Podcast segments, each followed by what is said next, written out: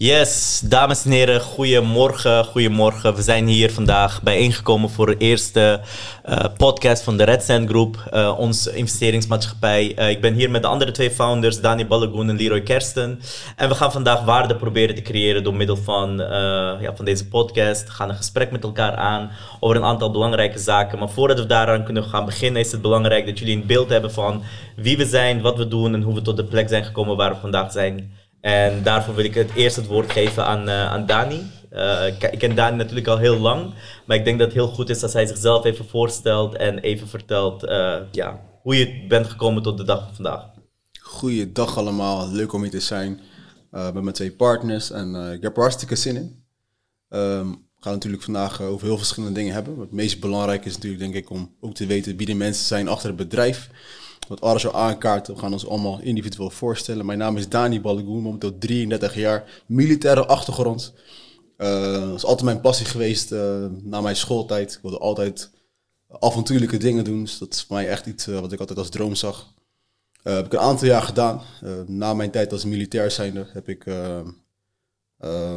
eigenlijk ambitie gehad om ook financieel te kunnen groeien. Ik groeide natuurlijk mentaal, fysiek, maar financieel bleef het een beetje stagneren. En ik denk eigenlijk dat um, ik gewoon open stond op bepaalde momenten, zeg maar, voor, um, voor meerdere dingen, weet je. Voornamelijk financiële opportunities. Dus ik ben destijds ben ik uh, in network marketing gerold. Um, veel geleerd, juist de mentors gehad destijds. geld kunnen verdienen. Ik had bepaalde doelstellingen die ik wilde behalen voor me op dat moment. Heb ik kunnen behalen, heel belangrijk. ik leerde uiteindelijk ook gewoon mijn filosofie over geld. is een beetje veranderd. Dus ik leerde uiteindelijk ook heel veel uh, nieuwe dingen. Daar uiteindelijk ook gewoon goed mee kunnen omgaan ups en downs gehad. Uh, zowel financieel natuurlijk ook, maar uiteindelijk ook gewoon weten naar hoe het is om geld te verdienen op jonge leeftijd. Ik denk dat het een hele goede, ja, weet je, een goede leermeester is voor, voor de meeste mensen. Um, maar goed, daarna uiteindelijk heel erg gepassioneerd geraakt over passief inkomen verdienen. Iets wat we sowieso gedurende deze podcast nog wel vaker gaan, uh, vaker gaan bespreken. Um, vastgoed is iets wat we natuurlijk altijd al uh, altijd al, al horen, weet je. Mensen willen altijd vastgoed in, willen investeren in vastgoed. Is een heel erg breed woord, vastgoed. En uh, ik wilde uiteindelijk gewoon iets dieper op een stukje passief inkomen ingaan. Hoe kan ik daadwerkelijk gewoon welvarend worden met vastgoed? Hoe kan ik een passieve inkomst opbouwen, maar niet alleen ik, maar ook de volgende generaties nog van, uh, van, kunnen, van kunnen leven? En uh, uiteindelijk, ehm, samen met uh, mijn partners, heb ik eh, een bedrijf opgericht. Ehm, de vastgoed momenteel nu uitgespreid in het Caribisch gebied, in uh, Nederland en ook in Afrika, voornamelijk in Ghana en Nigeria. Uh, doen het hartstikke goed. Mooi om te zien dat we namelijk gewoon stappen kunnen maken. Uh, ook daar uiteindelijk ook gewoon weer heel veel verschillende diverse ja, aspecten in het vastgoed, weet je. Ik bedoel, je kan uh, gaan we het ongetwijfeld meteen over hebben, weet je. Uh, woningen flippen, verhuren, panden opkopen, verkopen, noem het dan maar op. Maar ehm, eigenlijk vanuit daaruit wel echt kunnen zien hoe het is om uh, verschillende dynamieken te zien in, in, in, in een vastgoedplaatje. Um, uiteindelijk in 2020 verhuisd naar, uh, naar Afrika.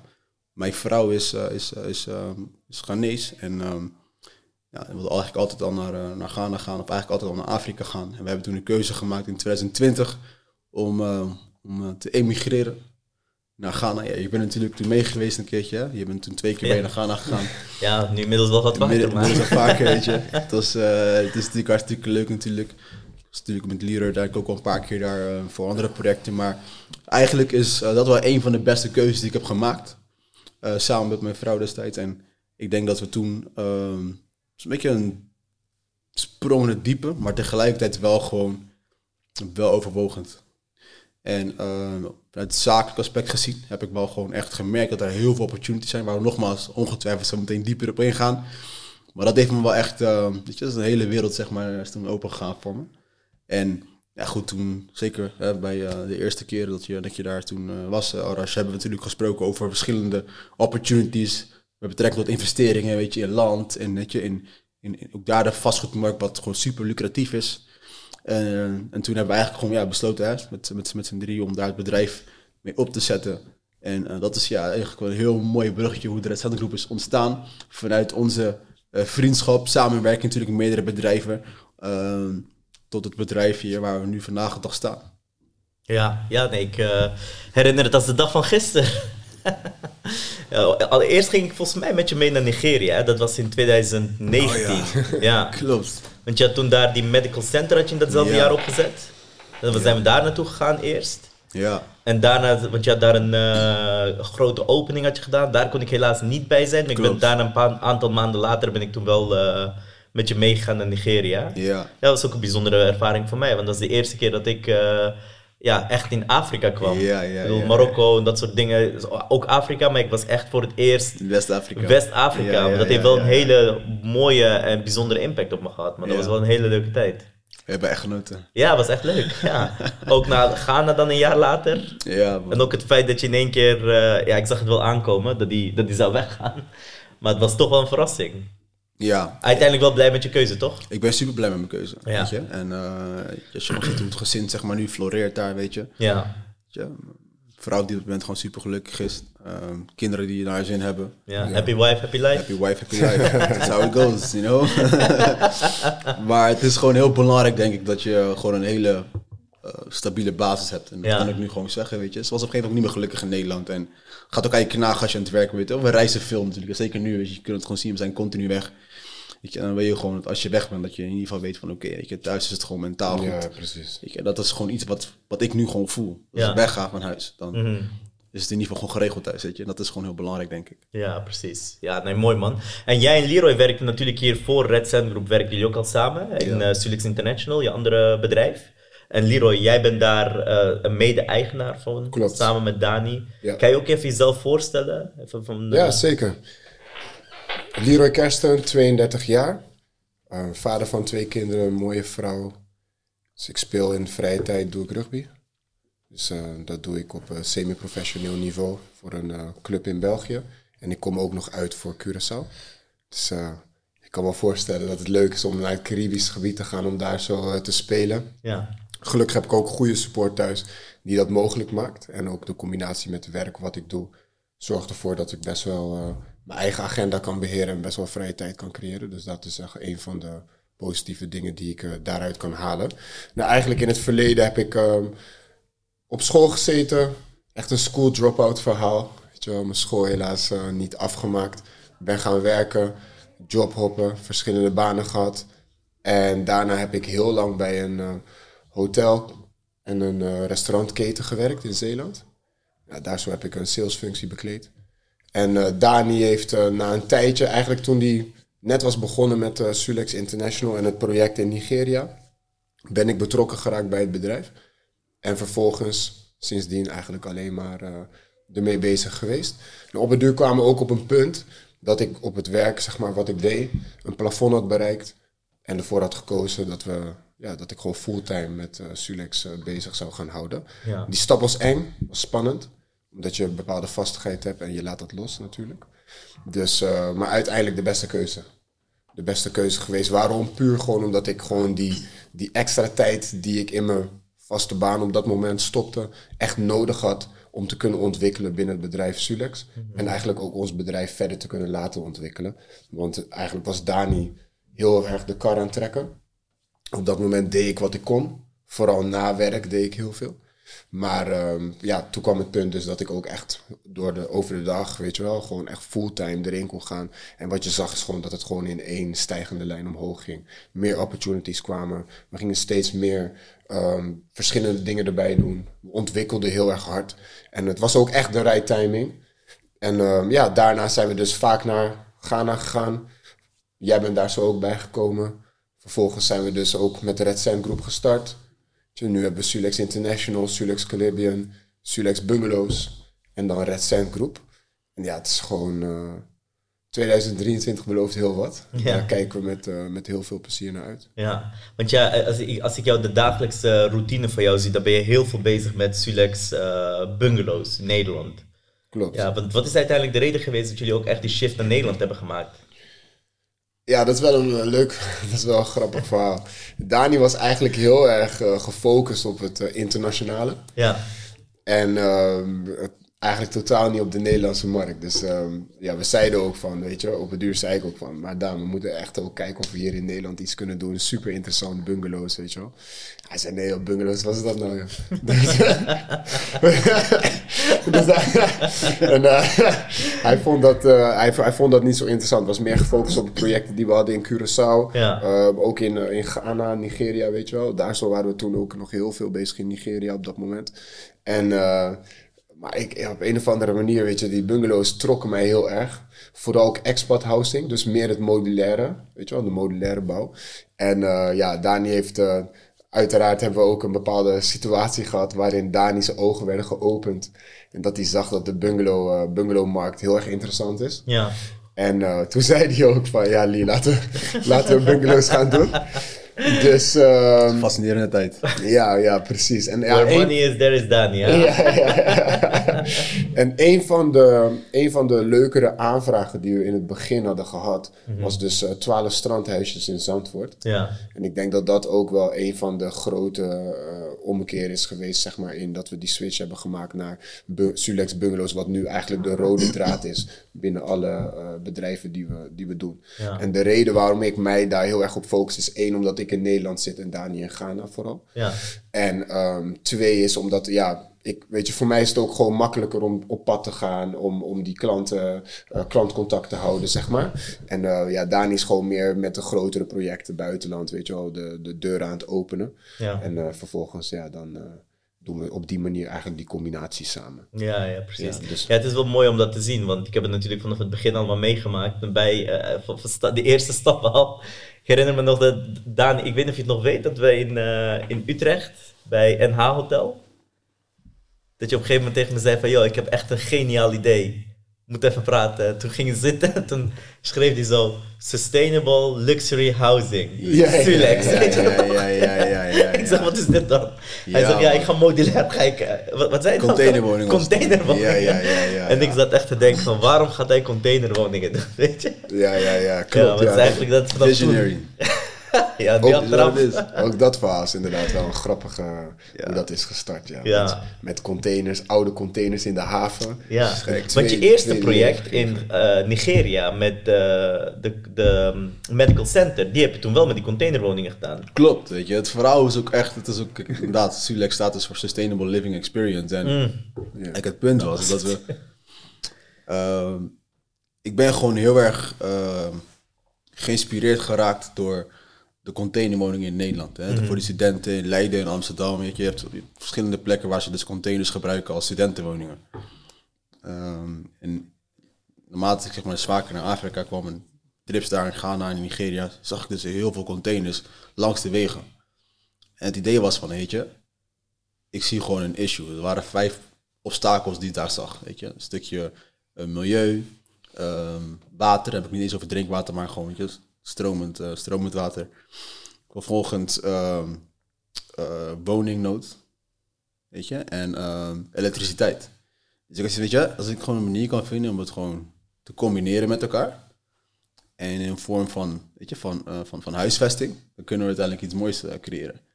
Dus zodoende, weet je, had ik een, er zit een, een, een, eh, een pilot project nodig. En vandaar dat we dus keken naar ehm, een medical center in Nigeria, waar je dus bent geweest. En inmiddels, ja, 19 november, of 22 november 2019, 2018, sorry, de tijd gaat snel. Ja. Dat is een medical center, weet je, eh, nu kunnen neerzetten. 90 vierkante meters, er werken vier artsen, eh, een aantal verplegers. we hebben eh zonnepanelen die helaas weg zijn. Goed weg. Ik, eh, ik, heb, ik, ik moet elke keer lastig het verhaal vertellen, weet je. Want we hebben zonnepanelen, we hebben zonnepanelen gezet op die medical center.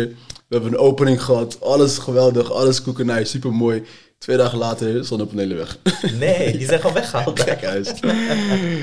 Ja, Volle zijn markt. eh, Niemand weet waar die zonnepanelen zijn. Risico, risico van het land, maar daar komen we straks nog even op. Wij, wij zitten natuurlijk ook in de emerging markets. Oh ja, ja. Ja, nee, maar geweldig verhalen, jongens. Ik zal ook even mezelf even, eh, even wat eh, beter eh, voorstellen. Arash Amini, ik ben 31 geworden recent. Ehm, Ik, ben, eh, ik, heb niet, ik, zit niet, ik heb niet in militaire dienst gezeten. En ik heb ook zeker geen rugby gespeeld. Maar eh, ik ben Afghaans van afkomst. In 2000 zijn we naar Nederland gekomen. Ik heb eigenlijk toen gewoon gedaan wat mijn ouders van me vroegen. Ga naar school, haal goede cijfers, zodat je goed diploma kunt halen. En uiteindelijk zul je bij een mooi bedrijf eindigen. En dan zul je een eh, gelukkig leven gaan hebben. Nou, dat allemaal heb ik gedaan totdat ik op een gegeven moment bij een goed bedrijf terecht kwam, namelijk Google. En daar zag ik wel echt in dat het eh, corporate leven op zo'n manier niet helemaal was voor wat ik, eh, wat ik eh, voor ogen had. Ik had iets meer van, er moet toch wel meer in het leven zijn. Dit kan niet het enige zijn dat ik dan hier kom te zitten. Wat ik eigenlijk zag waren mensen begin 30 die al kaal aan het worden waren van stress. Ik dacht, ja, ik wil mooie haren niet weg hebben zo. nee, dus ik ben toen uiteindelijk gaan openstaan voor, eh, voor eigenlijk van alles. Ik dacht, ik wil alles gewoon eh, meemaken. Ik heb toen ook uiteindelijk eh, gedaan wat de meeste Afghanen doen. Ik ben taxi gaan rijden. Wel gewoon als, naast mijn studie in weekenden. Dus ik moet je eerlijk zeggen, ik heb van mijn studietijd heb ik niet echt heel veel leuke verhalen te vertellen. Behalve dat ik aan het studeren was. In het weekend was ik taxi aan het rijden. Al mijn dronken medestudenten naar huis aan het brengen. En eh, maandag zag ik dan weer in de collegezaal. En was ik alweer over mijn leven aan het nadenken van... Wat ga ik nou precies doen? Want dit, dit, dit kan hem niet zijn, weet je. En zodoende dus eigenlijk uiteindelijk ook network marketing tegengekomen. Daar heb ik dus Dani onder andere eh, leren kennen. Dat is al eh, ruim tien jaar geleden. Dat is 2013 is dat geweest. Ja, 2013. En ik weet nog de allereerste keer dat ik hem, dat ik hem zag. Hij was dan daar een positie van een eh, vice-president had hij. En ik moest hem aanspreken. Dus ik ging, zo naar, ik, ik ging naar een andere vriend van ons, naar iemand. En ik zei tegen hem van... eh, ja, ik wil eigenlijk eh, meneer Balagoen wil ik even aanspreken. Kan dat? Hij zegt, ja man, ga gewoon naar hem toe. Zeg gewoon tegen hem van dat je hem wil spreken. Ik was zo, ja meneer Balagoen, heeft u even tijd... eh, ik wil even een vraag stellen. Hij zegt, ja, ik maak zoveel even tijd voor je. nee, dat waren wel mooie tijden. En dat doet me heel erg goed om te zien dat we uiteindelijk van, dat je vanuit de mentor eh, zijn doorgegroeid naar, eh, naar, naar businesspartners en eh, echt beste vrienden. Dat we de wereld mee kunnen aan het overreizen zijn en allemaal leuke projecten aan het doen zijn. Dus uiteindelijk is dat heel goed gekomen. Maar gedurende de tijd eh, bij, m- bij het network marketing bedrijf kreeg ik heel veel persoonlijke ontwikkeling te leren. Ja. Heel veel. En dat was eigenlijk dat ene kleine draadje of dat ene kleine schakel wat ik persoonlijk heel erg miste in mijn leven van persoonlijke ontwikkeling. Dus ik kwam op een gegeven moment met mensen in een groep bij mensen die eh 50.000 euro per maand verdienden. Terwijl ik dacht 50.000 euro per jaar, dat is goed. Is al veel. Ja. Dat is al veel. Ja. En op een gegeven moment kom je bij mensen die 50.000 euro per maand verdienen. En je hele leven, je hele wereld gaat in één keer, valt om. Je denkt van, eh, op een positieve manier, hè? Van Ja. wauw, dus dit is ook mogelijk. Want voor mij toen destijds, toen ik 20 was, dacht ik van 20, 50.000 euro, ja, dat, dat, dat verdient misschien een bankdirecteur. Ineens zag ik hele normale, gewone jongens die ook dat soort bedragen verdienden, omdat ze gewoon keihard werkten en gewoon gedisciplineerd waren. En dat maakte, voor- bij mij eh, ging daar een vuurtje bij branden en ik ben toen uiteindelijk me echt gaan focussen op persoonlijke ontwikkeling. Eh, ik ben toen vervolgens heel erg gaan richten op de finance gedeelte, dus echt gaan kijken van oké, ehm, omdat ik dus bepaalde boeken aan het lezen was, bepaalde persoonlijke ontwikkelingsstappen aan het maken was, zag ik dat je uiteindelijk ook gewoon heel veel geld kon verdienen als je gewoon de juiste slimme dingen deed. Hè? Ik bedoel, een, iemand die heel hard werkt, kan ook heel hard aan de verkeerde dingen werken. Ja, ja, zeker. waardoor hij uiteindelijk niet de juiste resultaten kan, kan gaan behalen. Eh, een van de voorbeelden die een van mijn mentoren toen destijds gaf, van het maakt niet uit hoe hard je bij de McDonald's werkt. Als je uiteindelijk 10 euro per uur verdient, verdien je gewoon 10 euro per uur. Ja. Ook al doe je super hard je best, je zult uiteindelijk alleen maar 10 euro per uur voor gaan verdienen. Dus dat waren allemaal concepten die bij mij eh, allemaal vuurtjes lieten branden. Van hey, als ik dus beter aan mezelf werk, ik ben de enige variabele in het leven. Eh, Politiek is hetzelfde voor iedereen, weer is hetzelfde voor iedereen, economie is hetzelfde voor iedereen. Enige wat, en in datzelfde omgeving, in datzelfde. eh, ehm, ja, op datzelfde plek maar worden sommige mensen superrijk en succesvol. En op datzelfde plek met dezelfde variabelen, of eh, de standaarden, worden sommige mensen broke en komen ze niet eens rond. Ja. Dus het enige wat daar echt variabel in is, ben je zelf als persoon. En dit waren de concepten die mij in het begin heel veel hebben geholpen. En ik ben je ook daarvoor heel erg dankbaar, want jij bent een van de grondzetters voor mij, Dani, daarin. En dus uiteindelijk zijn we zo eigenlijk door gaan groeien. En ik ben me dus nogmaals heel erg gaan focussen op finance. Eh, ik ben toen op een gegeven moment eh, aandelen gaan kopen.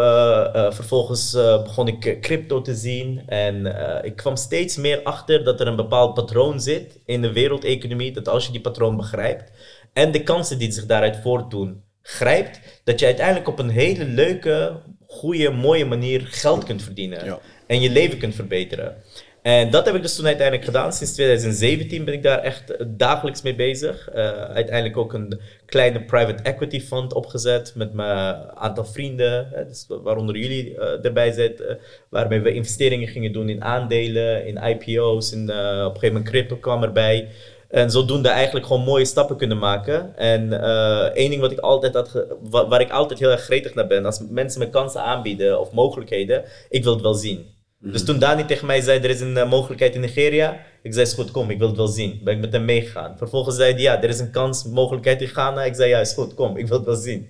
Was er vervolgens een kans, een eh, mogelijkheid in eh, Curaçao? Ik zei, ja, is goed, kom, ik wil het wel zien. En overal waar we zijn gegaan, hebben we juist de leuke mensen uitgehaald, mooie projecten uitgehaald en zijn we eigenlijk verder gaan groeien. Dus toen ook we op een gegeven moment in Ghana aankwamen, destijds werkten wij nog niet echt op, aan een project samen. We deelden wel heel veel projecten met elkaar, maar we werkten nog niet echt aan een project samen. En eh, ja, je bracht me uiteindelijk naar, eh, naar dat stuk land hè, bij, eh, aan zee, bij Pram Pram. En toen was het van, ehm, ik zag dat en ik dacht van, Daan, dit moeten we echt samen gaan doen, man. Tuurlijk kopen we gewoon land hier, tuurlijk gaan we gewoon developen, maar dit moeten we gewoon samen gaan doen. En zei ja van, als we het samen gaan doen, dan moeten we het met één iemand doen en dat is Leroy. En drie jaar later snap ik echt wel waarom we jou er echt bij moesten hebben. Dani en ik, zouden niet. Redden. Ja, dan, eh, ja, zo is uiteindelijk toch echt Red Sand Group tot stand gekomen. Hè? Dus dat we op een gegeven moment bij elkaar kwamen en zeiden van oké, nou jij hebt expertise ergens in, jij hebt expertise ergens in, ik heb expertise ergens in. En we kunnen die expertise bij elkaar stoppen en kunnen een mooi bedrijf van maken. En zo is Red Sand Group ontstaan. Dus dit is een, uiteindelijk een inleiding vanuit al- ons alle drie Ja, om uit te leggen hoe wij uiteindelijk zijn gekomen waar we zijn gekomen. Ik ga wel even een aantal vragen stellen, zodat we wat meer eh, diepgang kunnen krijgen in Red Sand Group. Want uiteindelijk, ja, wat waren de kansen die we daar echt zagen? Daniel, als ik het aan jou moet vragen, wat waren de kansen die jij in Afrika zag? Waarom ben jij uiteindelijk teruggegaan daar? En waarom focussen wij ons als bedrijf ook echt puur op, eh, op de emerging markets? Mm, ik denk sowieso, en als ik even persoonlijk ga kijken naar eh, toen ik daar daadwerkelijk heen ging om te verhuizen, was er niet de intentie om eh, iets zakelijks te gaan doen daar. Desalniettemin, mensen die mij kennen, weet je, ik zoek altijd naar opportunities waar ik ook ben ter wereld. Eh put me anywhere in the world and I'll run the bag up, zeg ik altijd. maar ehm, het feit zeg maar dat de vastgoedmarkt heel erg dynamisch is daar. Eh, dat er een hele grote gap is tussen ehm, Europa, tussen Afrika en het Caribisch gebied. En die gap zit gevuld met opportunities. Er is ehm, weinig communicatie. Eh, of laten we zeggen, weinig ehm, uitwisseling van bepaalde opportunities eh, tussen deze werelden. En ik zag daar gewoon een opportunity in. Ik zeg altijd, weet je, ja, dat ga ik trouwens niet zeggen in deze podcast. Misschien voor de volgende podcast. maar ehm, eh, het, het feit is, zeg maar, dat wij... eh, en dat is ook wel zo, weet je. Want heel vaak als ik met mensen spreek in, in Ghana... dan zeggen ze, ja, but you're privileged, you know. En je hebt dit en je bent in Europa opgegroeid. En, en dat klopt ook wel. Hè? Als ik namelijk in Europa... Zeker als je onze verhaal hoort, weet je. We hebben net ook marketingervaring. Ik heb een militaire ervaring, weet je. We zijn inderdaad opgegroeid in de westerse werelden... waar dingen anders zijn. Ehm, dus die ervaring nemen we mee. Die kennis nemen we mee naar in dit geval naar Ghana. En dan zie ik hoe ik die kennis kan implementeren, maar ook kan monetizen. Ja, en dat kan in elke branche, kan in elke industrie. Weet je, het feit dat Afrika, in dit geval even Ghana, wordt gebrandmerkt als een derde wereldland, weet je, dat, dat, dat zit me gewoon niet lekker. Ja, Weet je? ja, en ik ben uiteindelijk daar ook gewoon heen gegaan. En de mensen die mij, die mij goed kennen, ik ben heel erg vocal op mijn ehm, social media platformen. Zeker als het gaat om Afrika. Weet je, wil ik echt laten zien aan andere mensen wat de andere kant van Afrika is. Die je niet ziet via weet je, de media en, en, en dergelijke andere platformen. Dus ik ben heel erg actief bezig gegaan om te laten zien weet je, hoe de landbusiness in elkaar zit. Weet je, waarom het belangrijk is om land te hebben. Weet je, je eigen stuk, stuk land, een stukje ownership. Ja. Waar bijvoorbeeld onze, onze, onze voorgaande generaties dat als mandatory zagen. Hè? Als van, je, je moet je eigen stuk land hebben. Hebben wij iets van, ah joh, nee joh, iets wat onze tantes heeft, onze, onze oma, opa en oma's hebben. Maar wij ja, vinden dat niet nodig. Maar vervolgens dan wel gaan klagen van, ja weet je, Chinezen nemen alles over. Maar als ik, als ik daar gelijk eventjes kan op in, in kan haken. Als je kijkt naar dat eigen land hebben, weet je wel.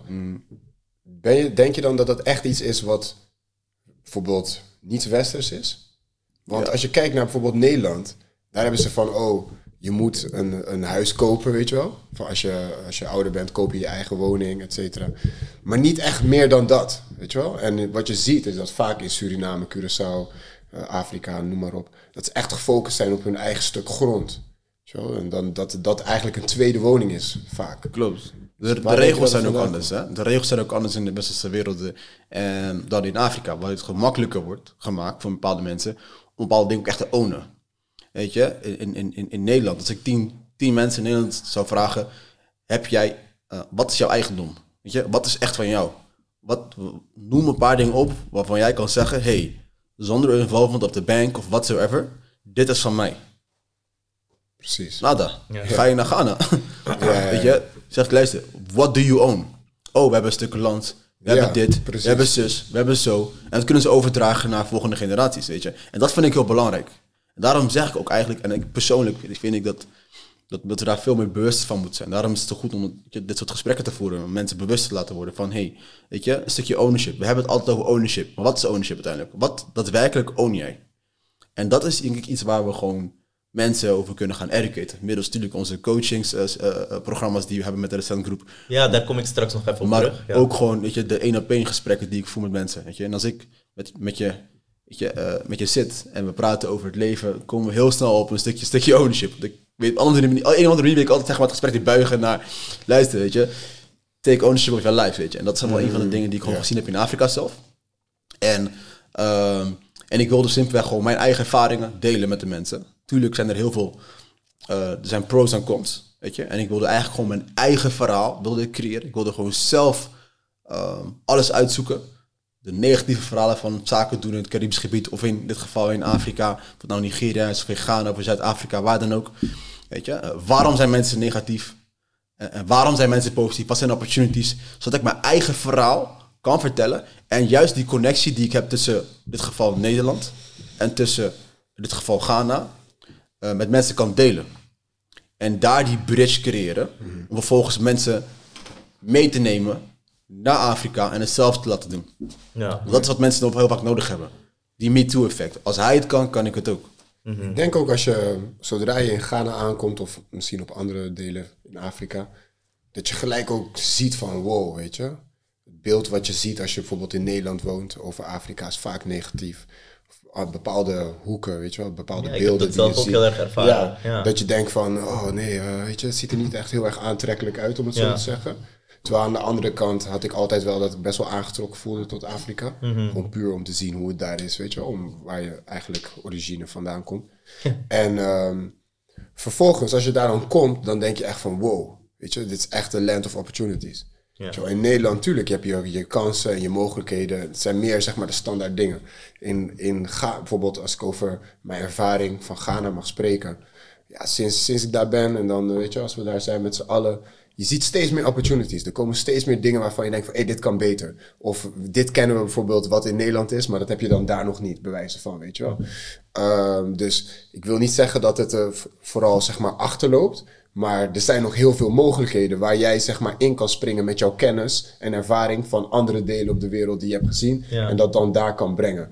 En ik denk dat het niet alleen per se bij ons is, maar ik denk dat dat gewoon voor iedereen geldt. Ja. Dus En het grappige is wat je zegt, sorry dat ik, dat ik eh, erop inga, Arash. Maar het punt is, is dat ik heb het heel erg met Curaçao. ja, Ik heb, ehm, weet je, in, in, in mijn vroege jaren was het heel erg Nederland, Curaçao, Nederland, Curaçao, Nederland, Curaçao. Ging ik vrijwel nooit naar Afrika, nooit naar Nigeria of nooit naar Ghana. Maar hoe ik nu vaker in Ghana, dat nu ik woon in Ghana, en ik ga naar Curaçao, zie ik zoveel dingen in Curaçao waar ik denk van, hé, hey, dat hebben ze gewoon in Ghana.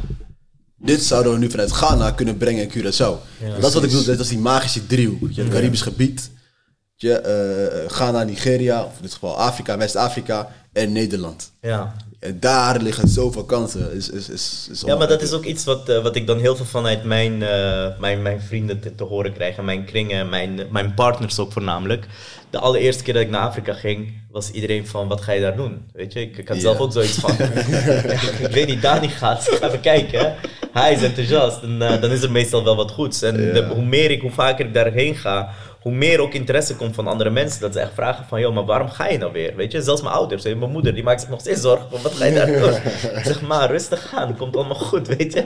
Zij denken, ja, ze zijn uit Afghanistan gevlucht hierheen Ja. gekomen, gaat mijn zoon in Afrika lopen bouwen, omdat ze echt een bepaald beeld heeft Ja, van, man. van Afrika, wat eigenlijk gewoon helemaal niet overeenkomt. En als ik dan Zonde. naar de statistieken kijk, ja, het is aan de ene kant is het zonde, aan de andere, andere kant, het is zonde voor mensen die daar heel erg eh, hun ogen voor sluiten. ik, ja. ja. Maar ik denk dat het er ook een heel veel kansen heeft voor mensen zoals, zoals wij, die daar echt als een opportunity zien. Niet om daar dingen weg te nemen, maar juist om value te brengen. Weet je, ik denk dat dat een Ja. hele belangrijke punt is. Er is al genoeg van Afrika afgenomen. Er is nu gewoon tijd dat mensen gewoon echt inzien van hoe kunnen we een value brengen naar een plek dat echt eh, waar het echt kan maken. Weet je, vooral eh, jongens zoals wij, weet je, die, die zowel in, in heel veel verstand hebben van wat er in Europa gebeurt, maar ook roots hebben in die gebieden. Ja. Weet je, dus dat is heel belangrijk. En hoe ik persoonlijk Afrika zie, is, ik denk waar China een aantal jaren geleden heeft gestaan. Bijvoorbeeld 20 jaar geleden China, 30 jaar geleden China was een totaal ander land dan wat het nu is. Weet je? Maar wat ze heel goed hebben gedaan is dat ze hun resources voor zichzelf hebben gehouden. Ze hebben kennis, ze hebben alles hebben ze eigenlijk in huis. En als je ook gaat kijken naar Afrika, hoe de, hoe de, de, de voortgang daarin aan het gaan is, hoe mensen zich daar aan het ontwikkelen zijn, is gewoon, is, is gewoon ongekend. Weet Ja. je, de grootste jonge populatie ter wereld zit daar. Yep. En jongere mensen die, die hebben steeds meer toegang tot educatie. Vrouwen hebben steeds meer toegang tot educatie. Wat resulteert dat hoe hoger ze gaan studeren, hoe minder kinderen ze gaan krijgen. Waardoor die overpopulatie, waar ze bang voor zijn in Afrika, die exponentiële groei in overpopulatie, die gaat er ook uiteindelijk niet meer zijn. Omdat vrouwen educatie gaan hebben. Dus als ze op een gegeven moment op universiteit eindigen, zeggen statistieken dat ze minder dan één kind gemiddeld gaan krijgen. Snap je? Oké. Dus dat is een beetje hetzelfde als wat we hier in Europa gewend zijn. Dus er zijn heel veel kansen, heel veel positieve dingen die eh, het continent Afrika in dit geval heel erg eh, interessant maken. En ik bedoel, we gaan nu daar de afgelopen drie jaar heen. En iedere keer als ik daar kom, vooral in het gebied waar wij aan het werk zijn, zie je weer een heel groot stuk land die weg is. Dan Ja. wie heeft dat gekocht? Ja, Chinezen hebben dit gekocht. Ja, wie heeft dit gekocht? Ja, eh, Amerikanen hebben dit gekocht, weet je? En wat dan wel jammer is, is dat je vrij weinig mensen uit Afrika zelf dat ziet doen. Snap je?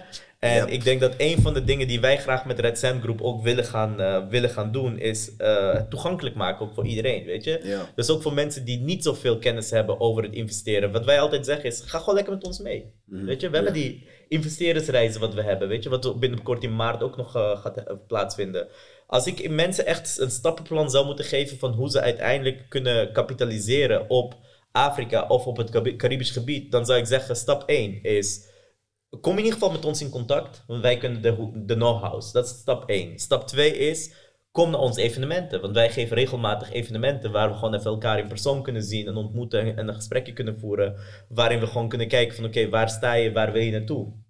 En drie, wat ik ook echt, echt aanraad, want dat heeft ook mijn ogen uiteindelijk geopend, is ga mee naar Afrika. Ga het zelf zien. Ik bedoel, ik ben daar niet voor eeuwig dankbaar dat we samen met hem mee konden gaan, dat hij het heeft laten zien.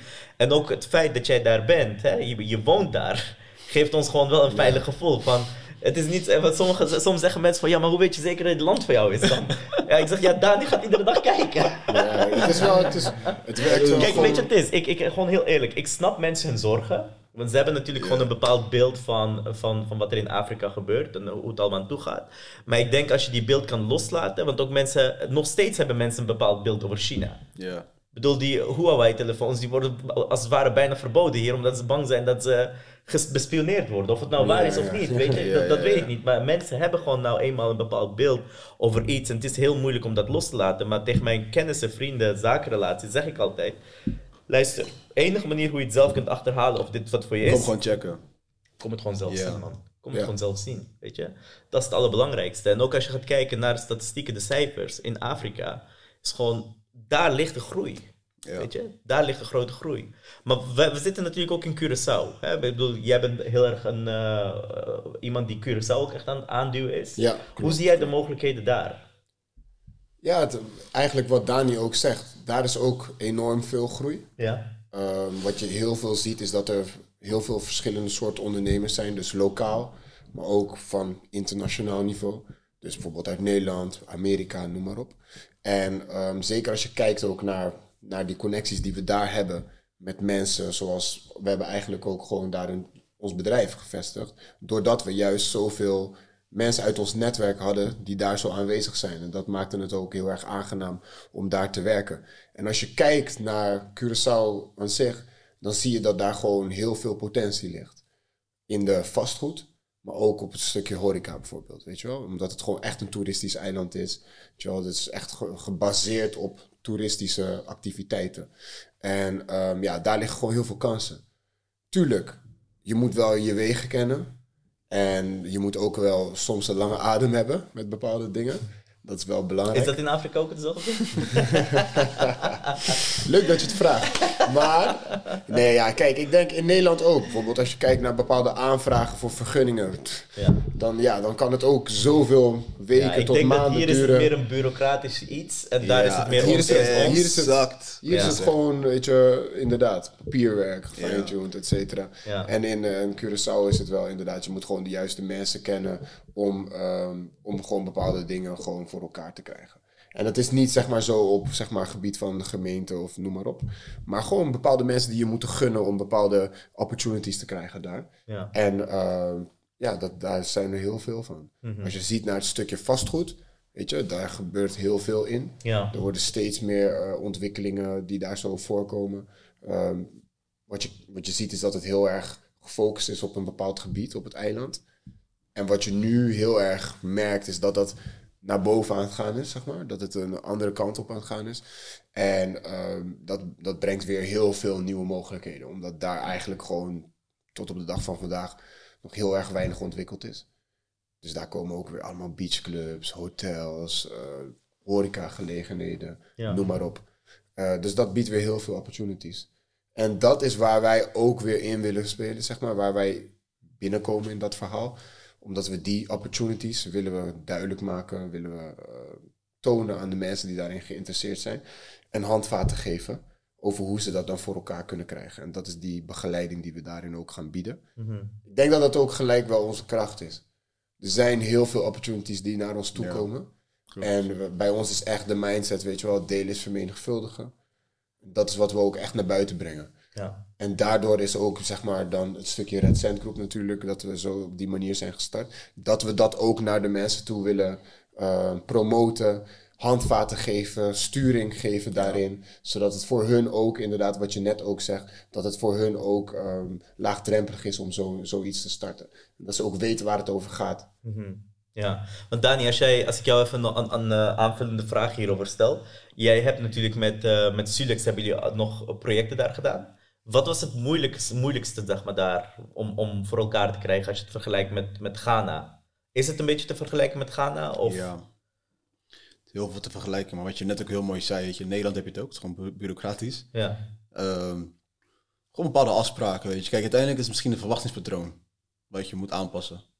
Weet je, en zeker als je in Nederland bent opgegroeid, dan heb je zeker Nederland, niet eens Europa, gewoon Nederland aan zich, is gewoon, ehm, we hebben gewoon een cultuur van als je een afspraak maakt, dan hou je aan de afspraak, dan ben je op tijd, et cetera. ja, vijf minuten later word je al meteen gebeld.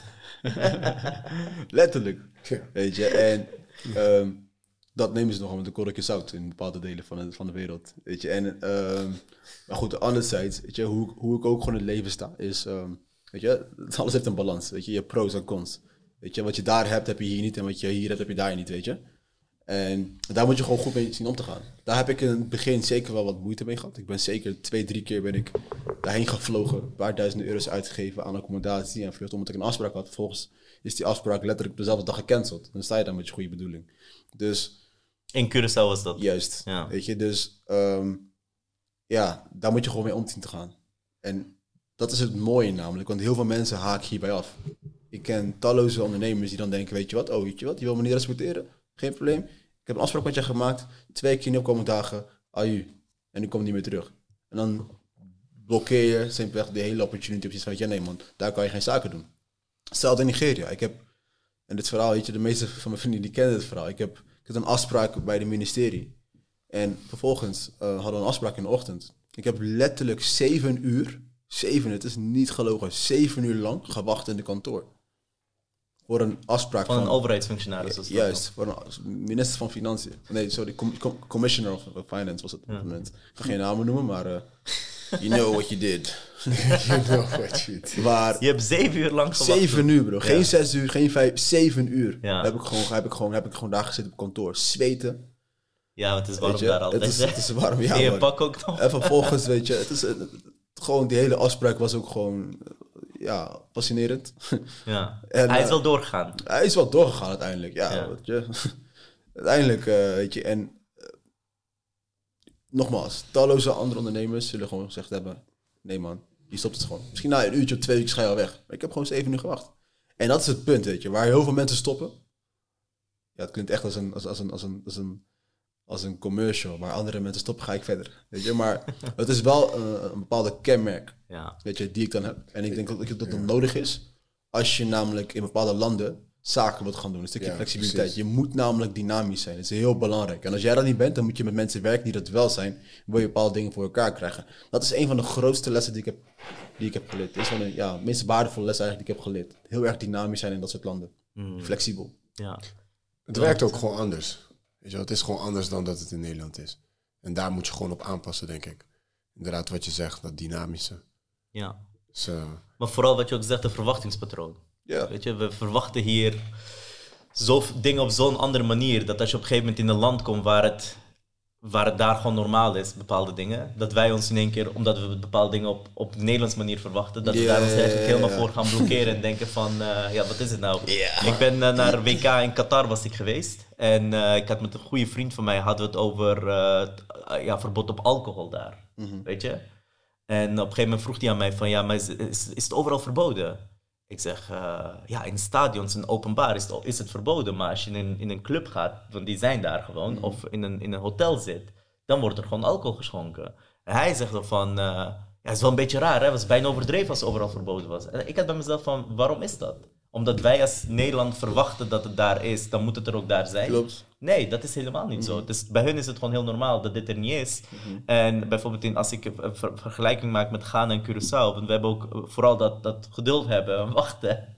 ja. Daar had ik persoonlijk de eerste paar keer best wel wel moeite mee, weet je. Dan denk je dat mensen je niet respecteren, maar dat is het gewoon niet. Mensen zijn gewoon, ja, wat relaxter. Ja, ze zijn gewoon wat, ja, wat, wat, ja, hoe moet ik het uitleggen? Gewoon gewoon op een ander tempo. Ja, van oké, ja, spreek om drie uur. Ja, rond drie uur ben ik daar. Het kan best zijn dat het Ja. half vier wordt. Ja. Half vier? Ja, of vier uur. Ja. Ik, denk, ik denk dat we daar in het begin, was dat ook wel echt iets waar we moeite mee hadden. Ja. Als je kijkt naar dat we eh, dingen deden in Curaçao en in Ghana. Ja. Tja, da- dat is wel waar we af en toe tegenaan liepen. Mhm. Eh, eigenlijk gewoon nog steeds. Omdat je gewoon nog steeds die mindset hebt van hoe je gewend bent om bepaalde dingen hier in Nederland te doen. Ja. En als er dan bepaalde dingen niet gaan zoals je gewend bent, dan denk je toch weer elke keer weer van. Ah, dat had ik toch liever anders gezien. En dat is, waar we, dat is wel waar we af en toe tegenaan liepen. Mhm. Ehm, ja, tot, irrita tot irritatie toe. Ja, Eh, op, op verschillende momenten. Ehm, maar ja, dat is, dat is waar je moet- mee moet dealen. Dat is die lange adem die je moet hebben. Eh, Dat is waar heel veel mensen afhaken. En Ja. Dat is wat Dani ook bedoelde, zeg maar. En je moet gewoon dat grotere plaatje hebben, weet je wel. En aan de andere kant, dat is ook precies de reden waar wij dan weer die sturing bieden. En dus die ondersteuning. Omdat we gewoon weten dat bepaalde mensen dat op, ook daarin nodig hebben. Weet je wel? Ja. De juiste weg vinden, de juiste eh, mensen op de juiste plekken kunnen benaderen Juist, voor bepaalde netwerk. dingen. Ja, netwerk. Dat Ja, is wat we eigenlijk ook bieden. Ja. binnen ons. Dat, is, dat is ook heel het stukje van Red Sand Group. Tje, we openen ons netwerk, we openen de opportunities, we bieden mensen schooling en ja, Ja, ik denk hoe ik Red Sand Group ook echt ervaar is dat wij alle drie hebben natuurlijk een eigen achtergrond, een bepaalde expertise en maar ook het netwerk wat we hebben. Dat we zowel kansen als geld bij elkaar kunnen brengen. Ja. Dus je hebt bijvoorbeeld bepaalde projecten in, eh maakt niet uit waar ter wereld. We zijn nu natuurlijk heel erg gefocust op de emerging markets, en voornamelijk in Ghana en in Curaçao op dit moment. Maar dat betekent niet dat we, geen, eh, ja, dat we niet, niet geïnteresseerd zijn in andere landen. Klopt. En het feit dat we onze netwerk daarvoor openen. We hebben gewoon een hele brede netwerk, bijvoorbeeld in het Midden-Oosten. En mensen uit het Midden-Oosten die willen gewoon ook heel graag hun geld investeren op andere plekken.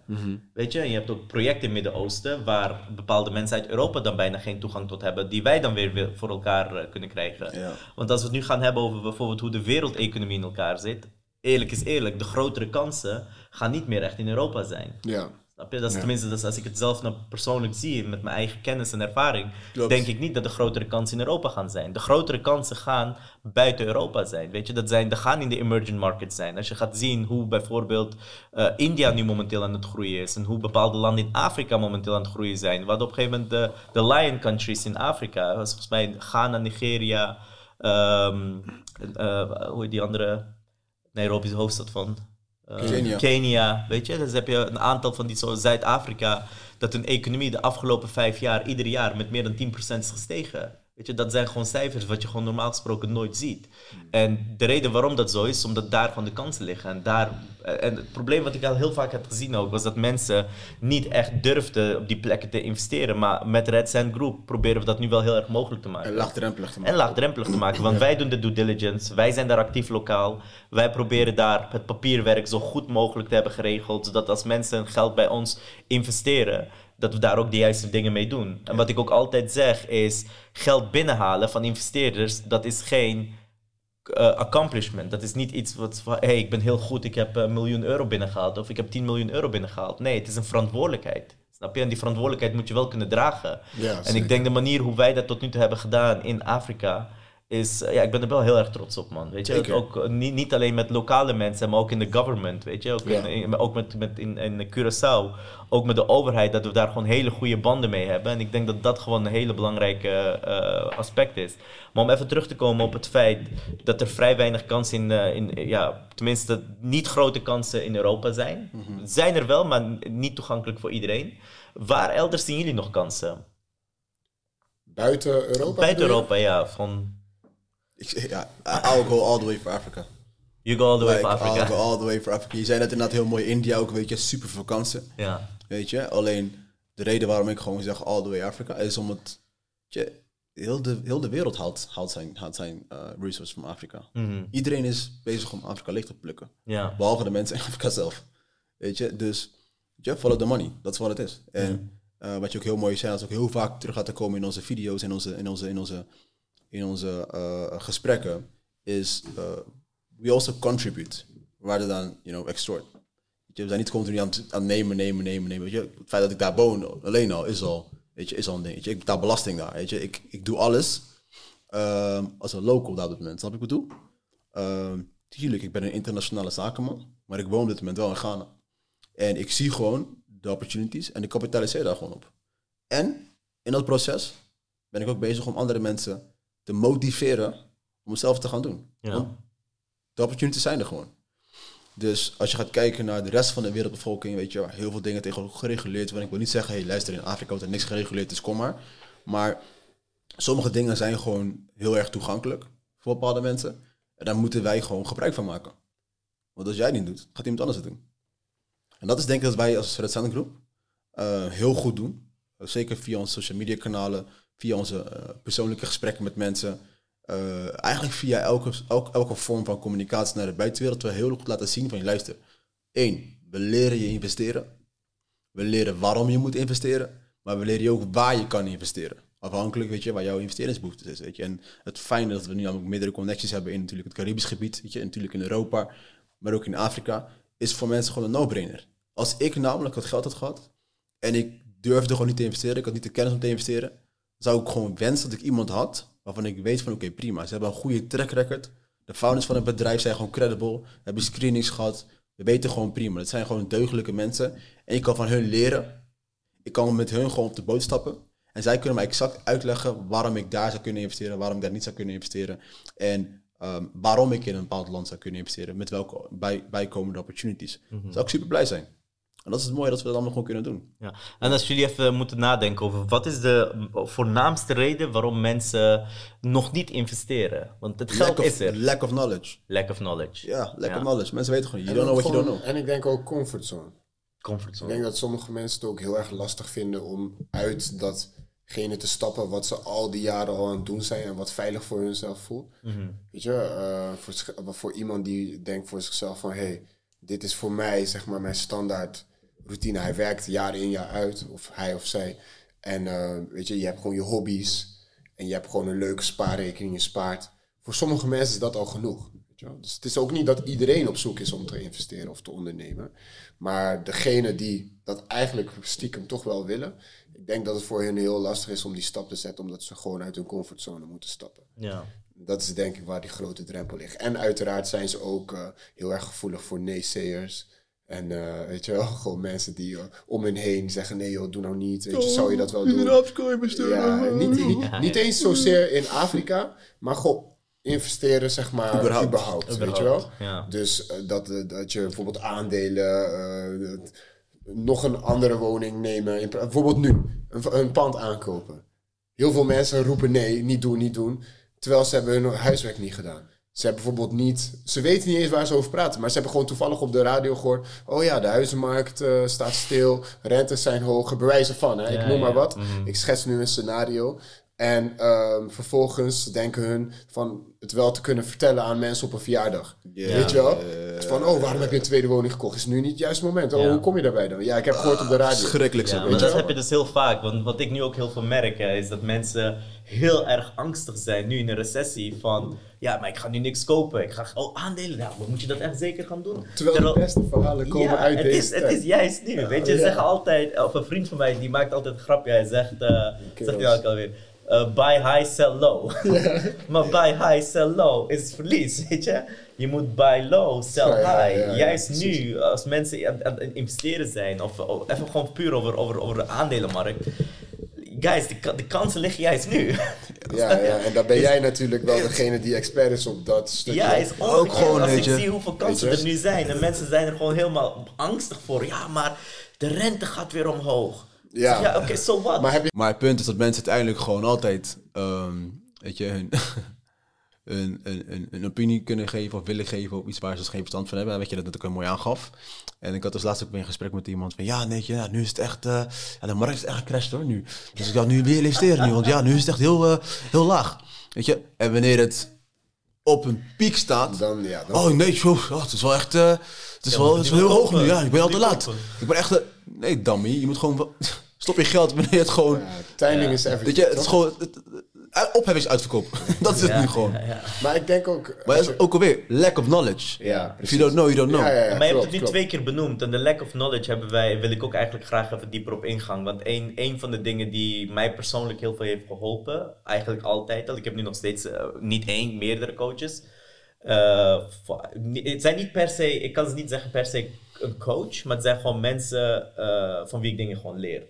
Snap je? Dus het is niet van, hey, ik heb een, eh, jij bent mijn coach. Nee, nee, nee. Maar jij bent een expert op een bepaald gebied. Mm. Ik ben dat niet. Ik wil daar graag van jou van gaan leren. Weet je, ik heb bijvoorbeeld op een gegeven moment in 2020, eh, ja, was ik op een gegeven moment eh, behoorlijk financiële stap aan het maken. Dat was het jaar wanneer de meeste mensen ja, eigenlijk helemaal vast zaten omdat COVID kwam. Ja. Snap je? Alleen je moet één ding begrijpen. De markt maakt altijd golfbewegingen. Conjunctuur blijft altijd gaan. Mm. De cijfers van de topcars, dus zeg maar de meeste eh, van Lamborghini, van Bentley, die zijn vorige week uitgekomen. Ze hebben vorig jaar een recordjaar gehad. 2022 was voor hun. Ze hebben nog nooit zoveel auto's verkocht. Ja, precies. Dat komt niet omdat er. Ja, snap je? Het komt omdat als die economie. eh, Vorig jaar was, begon de oorlog, hè, was, was bijna recessie. Dus iedereen was eh, energieprijzen die de, de, de sky ingingen.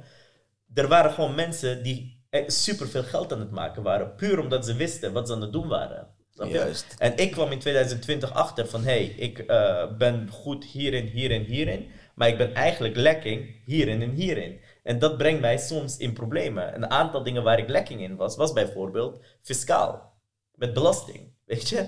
Van oké, uiteindelijk als je dan genoeg geld verdient, hoe kan je ervoor zorgen dat je zo voordelig mogelijk in je belasting uitkomt? Ja. En ik heb altijd zoiets van belasting ontduiken moet je niet doen. Maar belasting omzeilen mag je wel, want dat is gewoon de wet. De wet laat het gewoon toe van, hé, hey, als je belasting betaalt hier, betaal je zoveel, maar als je een bepaalde structuur opzet, dan is het zo, weet je? Of als je in een ander land gaat, dan is het zo, weet je? Dat zijn allemaal dingen die gewoon mogen, dat mag gewoon. En een andere waar ik ook aan tegenaan liep was bijvoorbeeld eh, met, met, met, gewoon met, met, met, met, met de advocaat bijvoorbeeld. Gewoon, weet je, gewoon juridisch stond ik ook niet zo sterk. Dus ik ben mezelf heel erg gaan focussen van oké, hoe kan ik dan mensen vinden die mij daarin kunnen helpen? En dat heb ik uiteindelijk gevonden. En jij hebt het nu over, over bijvoorbeeld van ze hebben niet de, de knowledge hebben ze niet. Wij geven binnen Red Sand Group ook Klopt. de knowledge, toch? Hoe zien jullie dat? Hoe, wa- wa- wat voor manier brengen wij waarde Anders ben ik het zelf allemaal aan het vertellen. Ja, nee, ja ik, ik denk vooral als je kijkt naar het stukje ehm, presenteren van mogelijkheden. Dus mogelijkheden die bij ons op ons pad komen waarin wij denken van hé, hey, hierin willen wij eh, het grotere plaatje eigenlijk gaan, gaan uitvoeren. Dus we willen gewoon bijvoorbeeld, ik noem maar wat.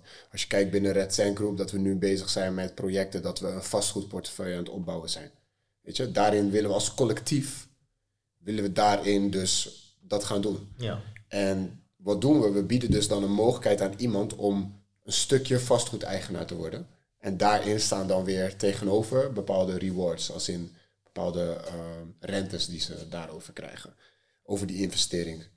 En niet alleen dat, maar ook als je kijkt naar bepaalde projecten in Ghana, in Curaçao, ik noem maar op. Dat zijn projecten waar iemand bijvoorbeeld niet zomaar tegenaan zou lopen.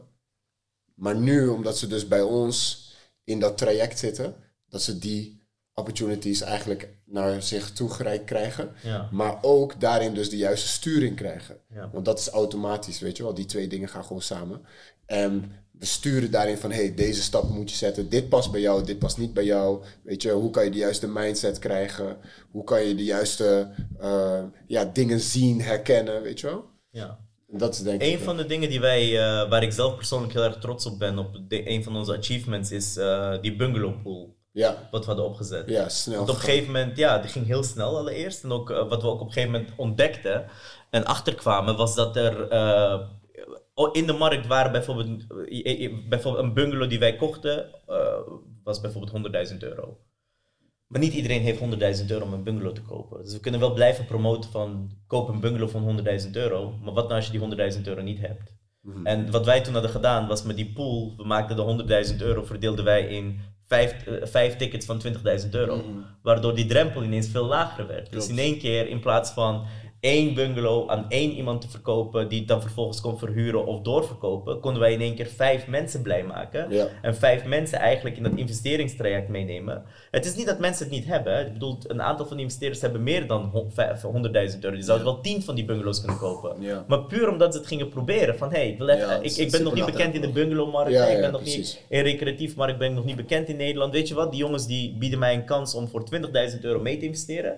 Daar ga ik in meedoen. Ja. Weet je, en ik, ik, ik, daar was ik eigenlijk heel erg trots op. Want op een gegeven moment hebben we wel voor veel meer mensen de drempel nog meer verlaagd.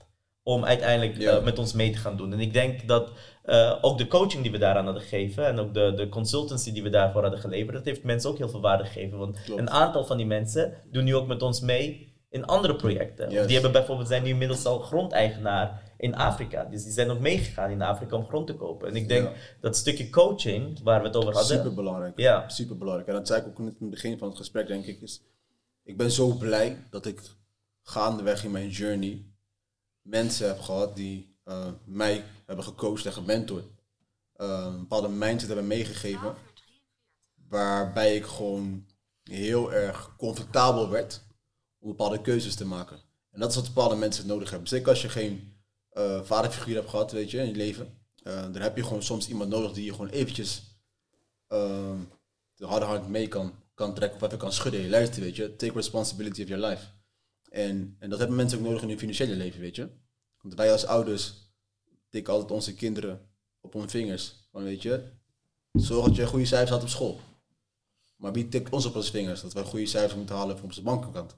Ja. Dus het is denk ik heel belangrijk dat we ook nu als, als, als, als individuen, succesvolle individuen, eh, maar ook gewoon samen natuurlijk met de Red Hand Groep, Ja. mensen het gewoon duidelijk moeten maken van je luister, weet je, word wakker, begin te investeren. Weet je, begin slim met je geld om te gaan. Weet je, er is gewoon totaal geen financial literacy bij heel veel mensen. En ik denk dat we nu met de platform die we hebben en met eh, de influence die we hebben, maar ook met het netwerk die we hebben, eh, dat we mensen gewoon echt bewust kunnen maken van hey, we kunnen je dit nu meegeven. En het mooie is, ik kan ook namelijk gewoon aantonen via met onze track record, dit is wat we gedaan hebben tot nu toe. En we gaan jou letterlijk laten zien waar jij kan zijn. Want dit is waar je staat nu vandaag de dag. Ga je het, coaching traject met ons mee, kunnen we je naar dit level brengen. En vervolgens vanuit daaruit heb je het zelf gezien, je hebt het zelf gedaan. Hè? We begeleiden je, dat is een ander woord dan helpen, we begeleiden je echt. En vervolgens ben je daarna gewoon rijp om zelf gewoon bepaalde keuzes te maken. En bepaalde keuzes te maken in de toekomst. En dat vind ik zo mooi van het coaching traject. Wat je ook zegt, een paar mensen zijn nu gewoon landeigenaar. Weet je, die zouden misschien niet gelijk in één keer boempad gat eh, willen overmaken en ik ga een stuk land kopen. Maar omdat ze nu uiteindelijk gewoon openstaan, omdat wij hun brein hebben geopend, wij hun namelijk het grote plaatje hebben uitgelegd, de risico's hebben uitgelegd, maar ook gewoon de uitkomst hebben uitgelegd, ze nu gewoon openstaan en vervolgens vanuit dat resultaten hebben gezien. Dat is mooi man. Ja, ja, precies. Ja, dus, eh, maar even nog een aanvullende vraag. Ehm, we hebben het natuurlijk over coaching, et cetera, gehad. Zijn er mensen naar wie jullie nu op dit moment opkijken? Heb je bijvoorbeeld iemand die je als coach ziet, of als een mentor, of mensen van wie je heel veel leert? Ik bedoel, ik, vanaf de dag dat ik met persoonlijke ontwikkeling bezig was, heb ik dat altijd al gehad en nog steeds. En eigenlijk ben ik wel benieuwd wie jullie die op dit moment hebben. Daan is een beetje aan het lachen. Ik ga zo gecanceld worden als ik het ga zeggen. ja, ik heb wel een bepaald idee, maar. en jij, Liro? Ja, nee, ja, kijk, ik, ehm, er zijn sowieso een, eh, een paar mensen, denk ik, die we allemaal wel, eh, weet je wel, inspirerend vinden op bepaalde vlakken. Op bepaalde dingen die eh, gezegd worden, dat we daar ons, onszelf in kunnen vinden. Maar niet zozeer iemand die zeg maar, op de voorgrond staat als in op tv of, of op, op social media, et cetera. Maar gewoon iemand die ik in het leven ook gewoon echt ken. Weet je wel? En uh, dat ik daarin best wel, uh, die heeft best wel een inspirerende rol. Um, uiteraard jullie, mijn, mijn compagnonnen met wie we samenwerken. Jullie geven mij feedback, ik geef jullie feedback. Weet je? En dat zijn dingen waar we lessen uit leren en groeien. Ik denk dat het zeker ook nodig is, dat iedereen dat nodig heeft. Maar ook als ik kijk naar, uh, naar het verleden, weet je wel, waar ik, uh, waar ik gewerkt heb bijvoorbeeld, heb ik heel veel geleerd van op kantoor zijn samen met mijn, uh, met mijn werkgever van toen. En ehm, die is gewoon heel erg business-minded, heel erg succesvol. En ja, dat was gewoon top. Daar leer je gewoon heel veel van. En weet je, natuurlijk, je bent bezig met werk, maar ondertussen word je ook gewoon begeleid. En groeien als persoon. Weet je wel? En, en ja, soms heb ik nog steeds wel eens dat ik advies vraag, bijvoorbeeld aan hem. Ja. Uh, maar ook als ik kijk naar andere mensen met wie ik op dit moment uh, samenwerk of, of die in mijn leven zijn, waar ik heel veel van kan leren. En dat zijn gewoon mensen die heel erg succesvol zijn op de, de, de, in de markten waar wij ook actief zijn. En dat is wat je nodig hebt. Iedereen heeft een mentor nodig of een coach. En dat is, die rol, dat is een rol die wij willen vervullen voor bepaalde mensen. Maar ik denk, ben ook blij dat ik zo iemand uh, in mijn omgeving heb. En jullie in mijn omgeving hebben, waar ik ook heel ja. veel van kan leren. Dus dat is, uh, ja. Dat Ja, is nee, heel mooi gezegd, man. Heel mooi gezegd. En voor jou, Dani? Ja, voor mij. Ik denk zo, ik sluit me helemaal aan wat Leroy zegt. Ehm, in elke fase in je leven heb je een nieuwe mentor nodig. Daar ben ik me heilig van, eh, over, ik ben er heilig van overtuigd. Ik ben ook bewust van. Ehm, toen ik in het leger zat, had ik een mentor. Dat was mijn, was mijn sergeant. En hij heeft me echt gevormd op een bepaalde manier. En ik heb daar heel veel van geleerd. Heel veel lessen die ik van hem heb, heb meegekregen, implementeer ik nog steeds dagelijks in mijn, ehm, in mijn, in mijn, in mijn, in mijn doen en laten. Zelfs al mijn kinderen. en, ehm, maar als je wil groeien, dan heb je weer nieuwe mentor nodig, die je namelijk weer naar een volgend niveau kan tillen. Dus als ik even ga kijken naar verschillende facetten in mijn leven, na het leger, volgens ehm, uh, een stukje network marketing, om mezelf te ontwikkelen. Weet je wat je ook aangaf, persoonlijke ontwikkeling, heb je natuurlijk meerdere mentors. Ik heb daar uiteindelijk ook meerdere mensen gehad die mij konden mentoren, die mij een andere mindset konden bijbrengen, waarbij ik op een gegeven moment open mocht gaan staan voor nieuwe dingen, voor andere dingen. Waar ik gewoon anders naar het leven ging kijken, waar ik anders naar financiën ging kijken. Ja. En ehm, ook daar, weet je, merk je gewoon dat je ook hun uitgroeit. En dan ga je verder kijken naar een andere eh, stage in mijn life. En dat was op een gegeven moment toen we dus eigenlijk met het bedrijf gingen starten. En we hebben nu met de Red Hand Group. En je, meer de vastgoed. En ik wilde simpelweg gewoon ehm, ook daar weer naar het volgende niveau. En dan heb je een andere mentor nodig. Dus ik kijk bijvoorbeeld heel veel video's van Grant Cardone. Ehm, weet je, natuurlijk echt, echt een vastgoed uh, mogul. Zijn filosofieën zijn heel erg uh, aligned met mijn eigen filosofieën. Ik, ik, sta, heel erg dicht met de, hoe hij zeg maar, naar het leven kijkt en hoe hij naar het systeem kijkt. Um, maar ook daar, weet je, merk je gewoon van oké, okay, top. Als jij, dat is een super cliché voorbeeld. Als jij een miljonair bent en je hebt miljonairsvrienden dan, en je wilt naar een miljardair groeien, dan moet je dus luisteren naar iemand die miljardair is of doen wat hij doet, dan ga je krijgen wat hij heeft. Weet je, maar dat zijn wel dingen die, die, uh, die ik gewoon zie en die ik gewoon altijd blijf hanteren. Dus je hebt altijd, je every, every, every level has its new devil, zeg ik altijd. Mhm. Maar ook bij every new level, je need een nieuw mentor. Ja. Goed gezegd. Ja, ik denk dat het ook een heel belangrijk punt is bij eh, mentor. Want tegenwoordig zie je overal, iedereen noemt zich bijvoorbeeld een, eh, ja, wat zie ik vaak komen, een, een, een life coach. Een, eh, ja, snap je? Dan denk ik van, het is- een mooie titel. Het is leuk dat je die titel wil geven, maar... Show me a track record. Show me the track record, Ja. ja precies. Weet je? Dus wat, wat, ja, wat, wat heb je dan gedaan dat je life coach bent? Weet je? En ik denk zeker dat iedereen wel iemand nodig heeft aan wie ze zich heel erg kunnen relateren. Ik bedoel, je kan ook... eh, maar belangrijker is, je moet wel, als je dan eh, luistert naar mensen, dan is het heel belangrijk dat je wel naar de juiste mensen luistert. Vooral mensen die een proven track record van results hebben. Weet je? Dus een niet alleen een track record. Niet van, ik doe bijvoorbeeld vastgoed al tien jaar. Oké, maar heb je ook serieus geld kunnen verdienen met vastgoed? Heb je ook serieus vastgoedprojecten kunnen opzetten? Niet, ik ben alleen involved in vastgoed, weet Ja, je. Dus dat is wat ik ook heel veel heb gezien. En eh, nog steeds hoor, heel veel zie. Eh, ook bijvoorbeeld met, met investeringen en zo, dan krijg ik soms advies van mensen van... eh, denk ja, maar oké, maar wat is je track record? Zonder arrogant te zijn, weet je. Van, wat, heb je zelf tot nu toe gedaan? En dan zie ik dat daar eigenlijk niet eh, iets uitkomt wat, eh, wat re- interessant is voor mij. Dus ik denk, in zekere zin is een mentor heel belangrijk. Maar het moet wel goede mensen zijn die een proven track record hebben met results, weet je. Dat is een hele, hele belangrijke. Heb je En- voor jezelf ook dat je iemand hebt waar je tegenop kijkt of coaching van krijgt? Of? Eh, ja, ik vind zelf persoonlijk geef ik wel heel veel geld uit aan coaching, snap je? Dus aan mensen die mij eigenlijk kunnen helpen. Dus ik denk ook de allerbeste investering die je kunt doen is een investering in jezelf. En dat is een hele belangrijke rode draad geweest, eigenlijk sinds de afgelopen tien jaar eh, in dingen die ik heb gedaan. Ik ga jaarlijks ga ik naar seminars van interessante mensen en ik probeer altijd eh, ja, een level up te gaan in mijn netwerk ook. Hè. Ik bedoel, uiteindelijk begin je met je eigen vrienden, vervolgens zie je een aantal interessante mensen, ga je naar hun toe groeien. Vervolgens zie je interessantere mensen dan hun, ga je naar hun groeien. En wat ik eigenlijk bij mezelf zie de afgelopen vijf jaar zeker, is dat dat mij heel erg is gelukt. Weet je, dat ik ook op een gegeven moment in kringen kom met, met, met momenteel met royals, met, met mensen die in de politiek zitten, Ja. waar ik eigenlijk vier, vijf jaar geleden nog helemaal niet klaar voor was. Weet je, ik had ook mezelf helemaal niet kunnen vinden bij, bij, bij die mensen. Ik had ook helemaal geen onderwerp om met ze te, te bespreken. Nu worden we gewoon uitgenodigd door dat soort mensen, Ja. omdat we gewoon eh, dingen op de juiste manier doen. En, en een reden daarvoor is, is omdat ik eigenlijk continu bezig ben om te groeien als persoon. Ja. En daarvoor heb je dan natuurlijk ook mentoren. Je net zei, Grant Cardone heb ik ook heel veel naar geluisterd. Maar iemand die mij persoonlijk, op, op persoonlijk vlak, eigenlijk de mindset heeft bijgebracht, is, eh, is Jim Rohn.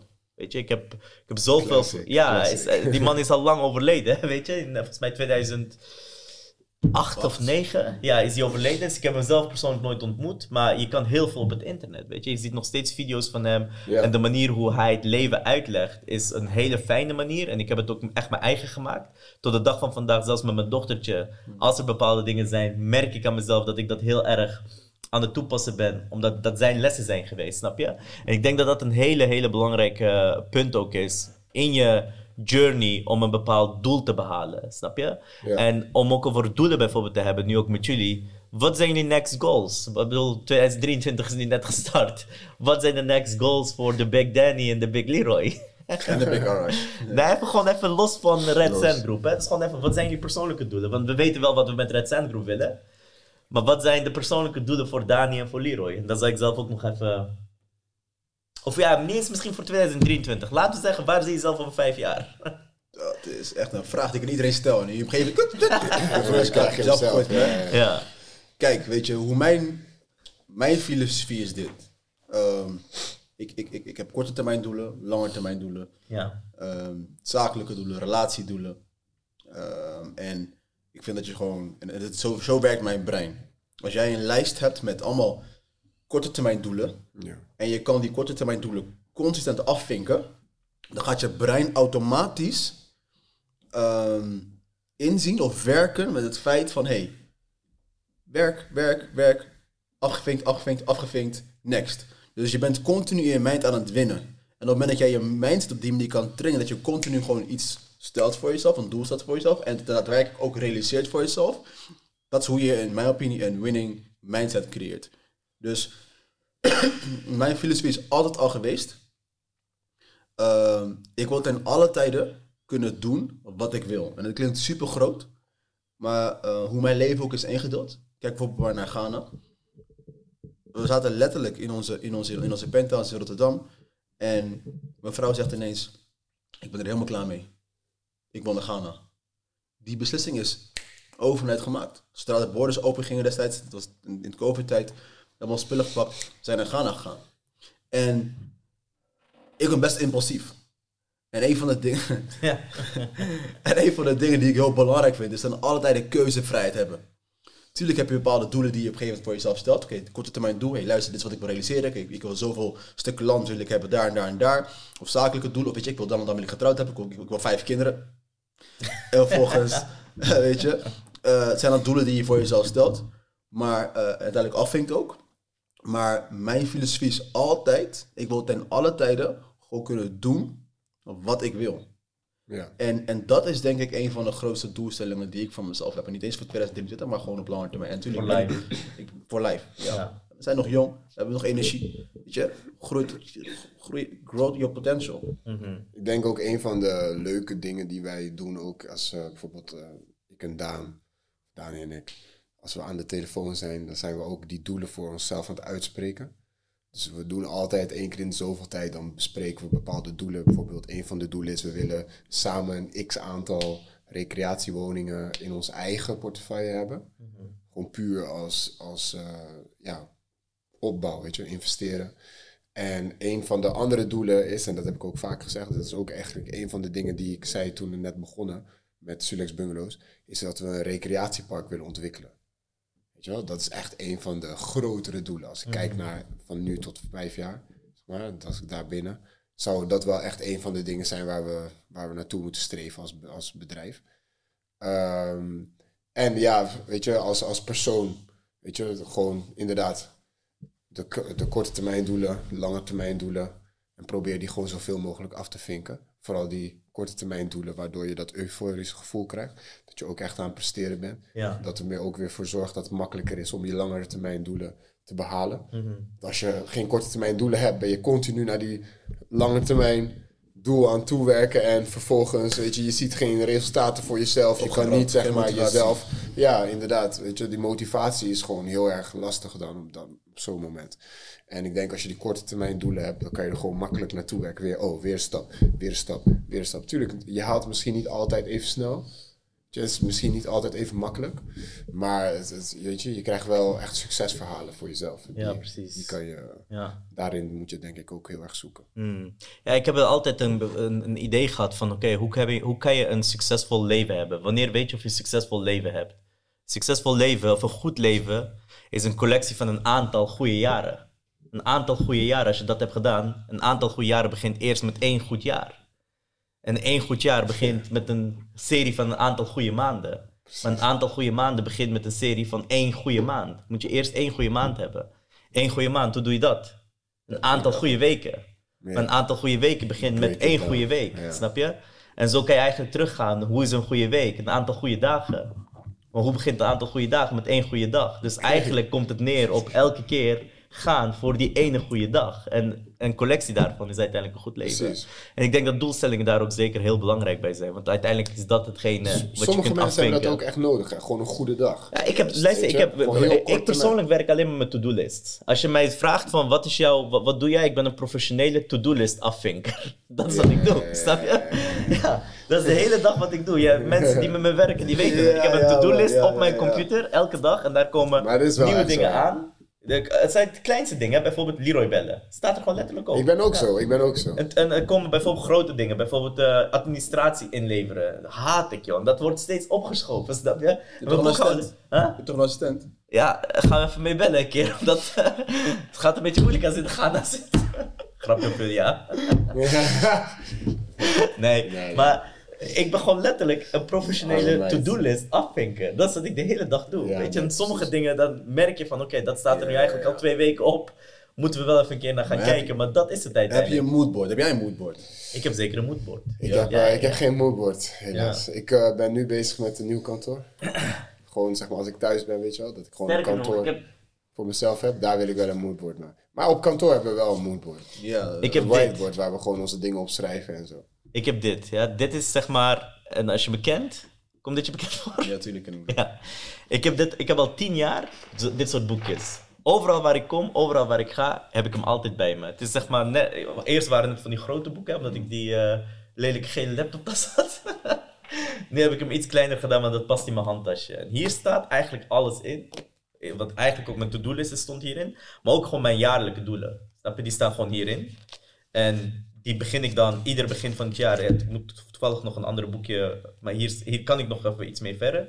Maar hier staan gewoon de doelen in. Hier staan mijn belangrijke dingen in. Hier staan mijn goals voor lange termijn in. Hier staan dingen die ik inspirerend vond. Bijvoorbeeld als ik ergens ben, iemand vertelt een quote of iemand zegt iets. ik heb hier ook al een aantal dingen opgenomen. Die ga ik straks ook inschrijven. Snap Ja, je? Dus bij de dit volgende is- podcast, als je ooit een keer Arash iets te zeggen, weet je waar het vandaan komt. Hoe Dus first? eh, this is, this is, this is de, de holy, eh, holy dingetje voor mij. Maar, Maar dat een moodboard is voor mij heel belangrijk. Die heb ik altijd Ja, hierin. Snap Die je? schrijft, die blijft. Hè? De reden, de reden waarom ik dat zeg is, en dit- dit- ik schrok hiervan, want ik had, ik zeg nu tegen iedereen die, die, die ik mentor, van hey, maak een moodboard, weet je, een, een, een to-do-list, weet je, een moodboard, hoe je het ook wil noemen, maar zorg ervoor dat je alle doelen hebt opgeschreven.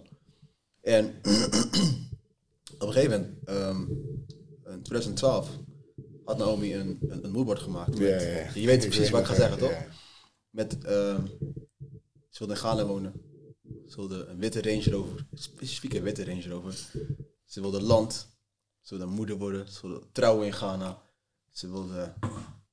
ah, ik denk nog eens drie andere dingen. Letterlijk, ik denk van de 15 dingen die ze heeft opgeschreven, 12 dingen afgevinkt.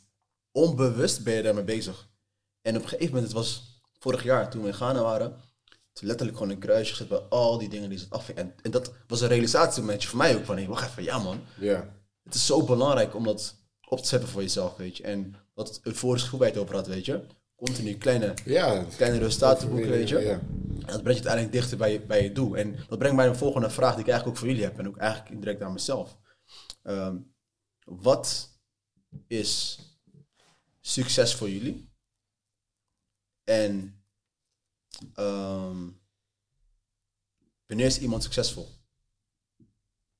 Ja, dat is een hele goede vraag. Eh, ik denk dat je succes eigenlijk... eh, je kan op verschillende manieren succesvol zijn. Snap je? Succes betekent niet per se dat je heel veel geld hebt. Stel dat je bijvoorbeeld een doel hebt van... hey, ik wil elke dag wil ik gaan sporten en dat doe je een jaar lang. Dan ben je een hele succesvolle persoon naar mijn ogen. Stel dat je het doel hebt van ik wil heel goed voor mijn kinderen zorgen.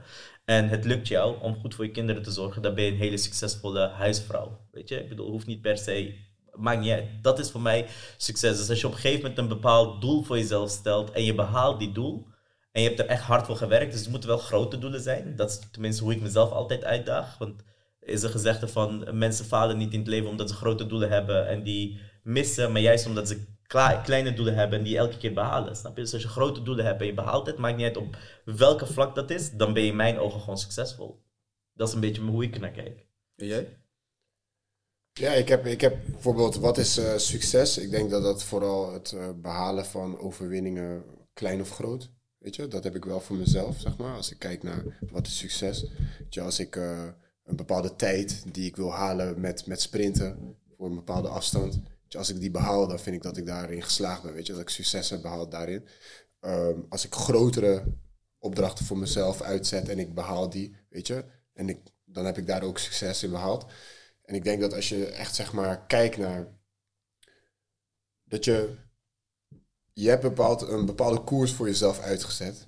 En als je die bepaalde koers aan het bewandelen bent en je, je bent echt daar naartoe aan het gaan, zeg maar gericht, dan vind ik dat je een succesvolle persoon bent. Omdat je bent, zeg maar, tuurlijk, het gaat nooit zeg maar in één recht stuk.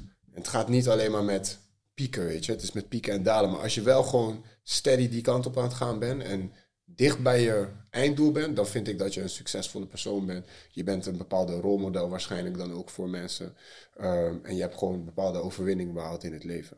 Ik denk dat dat ook een mooi moment is om, eh, om de podcast te beëindigen. Dit was onze eerste Red Sand Group eh, podcast wat we hebben opgenomen. Yes. Eh, ja, ik hoop dat we van waarde zijn geweest. Ik, we hebben heel veel inzichten en persoonlijke verhalen kunnen delen. En, voor mij persoonlijk was het natuurlijk heel erg waardevol ook om weer met jullie te zitten en jullie inzichten mee te krijgen. Dus eh, dank jullie wel daarvoor. Ja, jij ook bedankt. Ja, graag gedaan. En voor mensen die de podcast hebben beluisterd, eh, ja, wil je meer informatie over de Red Sand Groep? Wil je weten hoe je met ons kunt samenwerken? Wat voor projecten wij hebben, wij hebben? Op wat voor manier je met ons kunt meekapitaliseren in alles wat we aan het doen zijn? Je kan gewoon contact met ons opnemen via eh, onze Instagram page en onze website www.redsandgroep.com. We staan altijd open om eh, nieuwe mensen te ontmoeten, om eh, nieuwe inzichten te krijgen, maar zeker ook om nieuwe projecten te bespreken. Dus heb je een van deze dingen of wil je gewoon graag met ons in contact komen of ben je geïnteresseerd in een van onze coaching sessies, meld je aan via www.redsandgroep.com. En uh, ja, ik wil jullie nogmaals allebei bedanken voor jullie komst. Hè, Dani Yes. is helemaal vanuit, uh, vanuit Ghana hierheen gekomen. En Leroy van nog verder, van Zeeland. Kijk nee, dus nogmaals, eh, uh, mijn dank is groot Zeeland. voor jullie. Prachtige Zeeland, zeker Ja, weten. Waar we heel veel... wonen. Wel, graag. Ja, nee, ik denk dat dat... eh Leroy zit daar goed. Dus uh, Dat is, uh, dat is het beste. Ja, nogmaals, dank jullie wel, guys. En uh, tot onze volgende podcast. Yes, thanks.